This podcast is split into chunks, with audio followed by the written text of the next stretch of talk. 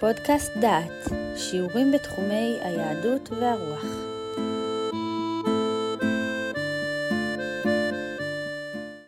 אתם מאזינים לפודקאסט דעת, לשיחה על פרק ח' בספר הושע. שיחה זו היא חלק מהקורס הושע נבואות ערב חורבן, הקורס בשלמותו באתר דעת במדור פודקאסט.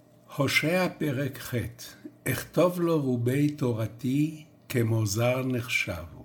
אל חיכך שופר, כנשר על בית אדוני. יען עברו בריתי, ועל תורתי פשעו. לי יזעקו, אלוהי ידענוך ישראל. כי הרבה אפרים מזבחות לחתו, היו לו מזבחות לחתו. אכתוב לו רובי תורתי, כמו זר נחשבו. זבחי הבהבי, יזבחו בשר ויאכלו, אדוני לא רצם.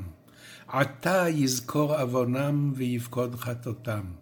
המה מצרים ישובו, וישכח ישראל את עושהו, ויבן היכלות. ויהודה הרבה ערים בצורות, ושילחתי אש בערב, ואכלה ארמנותיה. פרק ח' שבספר הושע כולל פסוק סתום, המופיע כמאמר מוסגר בתוך נבואה אחרת. הנושא הוא אפרים, המרבה מזבחות לחתו. בפסוק י"א נאמר, כי הרבה אפרים מזבחות לחתו, היו לו מזבחות לחתו. בפסוק י"ג מתוארים הזבחים. זבחי הבהבי יזבחו בשר ויאכלו, אדוני לא רצם. עתה יזכור עוונם ויפקוד חטאותם, המה מצרים ישוב. הקשר ברור, אפרים זובח ואוכל קורבנות שאינם רצויים לשם. ובין שני פסוקים אלה, הפסוק שבו נעסוק בשיחה זו. אכתוב לו רובי תורתי כמו זר נחשבו. בפסוק שתי מילים שבהם יש קרי וכתיב. אכתוב או אכתב, רובי או רבי. הראשון איננו משנה משמעות, אכתוב, הכתב או משהו, אבל הכוונה היא לכתוב. השני משנה משמעות. אכתוב לו רובי תורתי, את הדברים הרבים שבתורתי, או שמא אכתוב לו את רבי תורתי, את הדברים החשובים שבתורתי, והם כמו זר נחשבו לאפרת. וכדרכם של פסוקים עמומים, המדרש מפרש את הפסוק בדרכו שלו. המדרש לפסוק זה עוסק ביריבות שבין היהדות לנצרות, אבל מפחד לומר את הדברים באופן ישיר. הוא משתמש בקודים מוצפנים, שהשומע והאומר מבינים את הכוונה, אבל האוזן הזרה אינה מבינה. וכך אומר המדרש. מדרש תנחומה, פרשת וירא, סימן ה'. אמר רבי יהודה בר שלום, ביקש משה שתהא המשנה אף היא בכתב. וצפה הקדוש ברוך הוא שאומות, הכוונה אומות העולם, עתידים לתרגם את התורה ולהיות קוראים אותה יוונית, והם אומרים, אנו הן של ישראל. דהיינו, אנחנו עם ישראל. אמר לו הקדוש ברוך הוא למשה, אכתוב לו רובי תורתי, ואם כן כמו זר נחשבו. וכל כך למה? מפני שהמשנה היא מסתורין של הקדוש ברוך, הסוד. ואין הקדוש ברוך הוא מוסר מסתורים שלו, אלא לצדיקים. שנאמר, סוד השם ליראה. הרעיון הכללי של מדרש זה ברור. אם הקדוש ברוך הוא יכתוב את המשנה ולא רק את התורה שבכתב, יחשב עם ישראל לזר, כמו זר נחשבו היהודים. מדוע? כי האומות יתרגמו גם את המשנה ויאמצו אותה. והמשנה היא המסתורין של הקדוש ברוך הוא. היא הספר הסודי, הידוע רק לישראל. אבל שני דברים מעורפלים במדרש הזה. מי הם האומות שיתרגמו את המשנה, ובעיקר, מה יאמרו? במדרש קראנו, והן אומרים, אנו הן של ישראל. משפט זה הוא חסר משמעות. מה פירוש אנו הן של ישראל? בשמות רבה מופיע הסיפור בניסוח שונה. בשמות רבה, פרשה מ"ז. אמר לפניו משה, ריבונו של עולם, אכתוב אותה להם. אמר לו, איני מבקש לתנה להם בכתב, מפני שגלוי לפניי שעובדי כוכבים עתידים לשלוט בהם וליטול אותם מהם, ויהיו בזויים בעובדי כוכבים.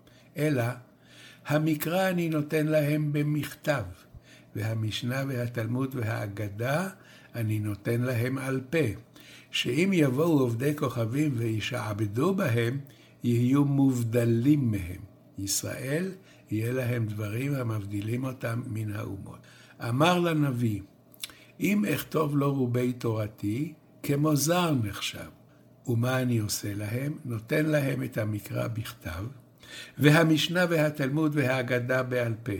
כתב זה המקרא, כי על פי הדברים האלה זו המשנה והתלמוד, שהם מבדילים בין ישראל לבין עובדי הכוכבים. במדרש זה האומות הופכים להיות עובדי כוכבים, והפעם יתלו את התורה מישראל, וישראל יהיו בזויים בעיני עובדי הכוכבים. במדרש שמות לא מופיע מה יאמרו עובדי הכוכבים כאשר ייקחו את התורה מישראל. וכאן אנחנו מכניסים לדיון מדרש שלישי, במדבר רבה, פרשה י"ד. נתן הקדוש ברוך הוא לישראל שתי תורות, תורה שבכתב ותורה שבעל פה. נתן להם תורה שבכתב שיש בה תרי"ג מצוות, כדי למלאם מצוות ולזכותם, שנאמר, אדוני חפץ למען צדקו, יגדיל תורה ויאדיר. נתן להם תורה שבעל פה להיותם מצוינים בה משאר האומות, שעל כך לא ניתנה בכתב, כדי שלא יזייפוה, עכשיו שימו לב היטב, ישמעאלים, כשם שעשו תורה שבכתב, ויאמרו שהם ישראל. ועל זה אמר הכתוב, אכתוב לו רובי תורתי, כמו זר נחשבו. אמר הקדוש ברוך הוא, אם אכתוב לישראל רובי תורתי, זו המשנה שהיא גדולה מן המקרא, כמו זר נחשבו, ישראל יחשבו לזר. אם האומות הם פעם אומות ופעם עובדי כוכבים ופעם ישמעאלים, אנו יכולים להסיק כי הכוונה היא לאומה שלישית, אומה רביעית. מי הם? המדרש משקף את הוויכוח עם הנוצרים. הנוצרים היו אלה שאימצו את התורה שבכתב, וטענו כי הם ישראל האמיתיים. הרעיון של החלפת עם ישראל בנוצרים, הלא הוא מופיע בביטוי החלפת ישראל בבשר בישראל ברוח. פירוש, החלפתנו, אנו, עם ישראל ההיסטורי, בני אברהם, יצחק ויעקב, העם הגנטי היהודי, מחליפים אותו בישראל חדש, שאימץ את רוחו של עם ישראל, הלא היא הנצרות.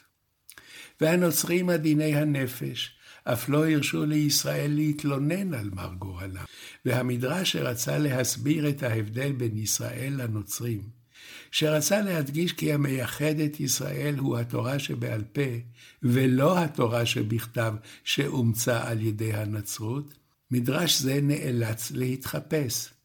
פעם דיבר על אומות העולם, פעם על עובדי האלילים, וייתכן כי יד הצנזורה בחשה כאן, ופעם על הישמעאלים שהיו רחוקים מארצות הנוצרים ומהצנזורה הנוצרית.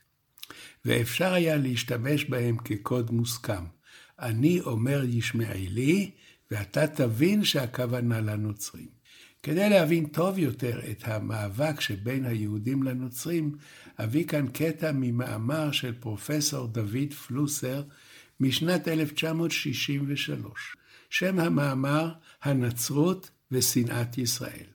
במאמר מסביר פלוסר את רקע היריבות בין הנצרות והיהדות. והוא כותב כך: יחסה של הנצרות אל היהדות נקבע על ידי כמה עובדות היסטוריות ורעיוניות גם יחד. הנצרות היא כת יהודית פורשת, אבל היא רואה את עצמה כעם ישראל האמיתי, ישראל שברוח. ובכל זאת, ישראל בבשר, דהיינו עם ישראל ההיסטורי, שנולד כיהודי דור אחר דור ושמר על מסגרת קהילתו, ממשיך להתקיים ואינו מקבל את הטענות הנוצריות. היו סדרה של קונפליקטים שהנצרות התלבטה בהם ביחסה אל היהדות. הנצרות ביטלה את המצוות המעשיות, אבל היא קיבלה את קדושת ספרי המקרא. יש פה סתירה. הנצרות נתקבלה דווקא על לב אומות העולם, ועל ידי כך היא ירשה במידת מה את האנטישמיות היוונית. רגשות האיבה של אומות העולם כלפי ישראל עשויים ללבוש אצטלה של תורות דתיות נוצריות.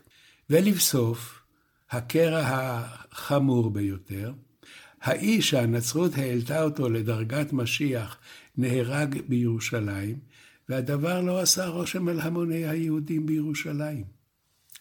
כדי להיחלץ מסבך זה, הביאו הנוצרים הראשונים לעם ישראל את הדעה שישו, שנהרג על ידי הרומאים, היה משיח ישראל. אמונת הנוצרים במושיע הנהרג היא עיקר אמונה יהודי, שאותו בישרו נביאי ישראל, כך טוענים הנוצרים. ועליהם להאמין בדבר זה, אחרת ירשו היהודים גיהינום. התעמולה הנוצרית מצטטת עד היום פסוקים מן הנביאים, ומפרשת אותם על ישו. הנוצרים דרשו שכל ישראל יכירו כי האמונה הנוצרית היא העיקר שביהדות.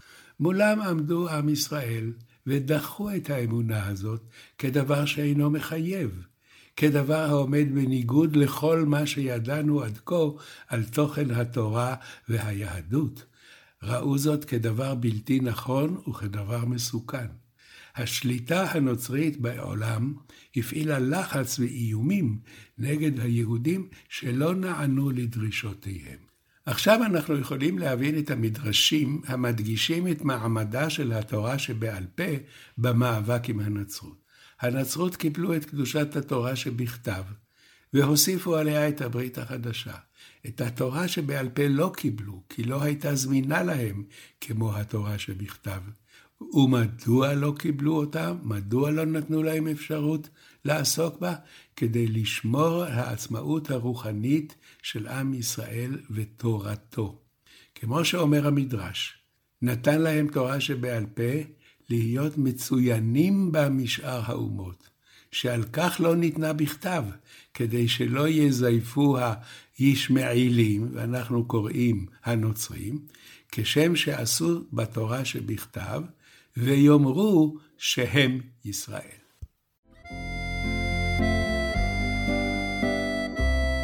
שמעתם שיעור מתוך הקורס הושע נבואות ערב חורבן מאת פרופסור יהודה אייזנברג.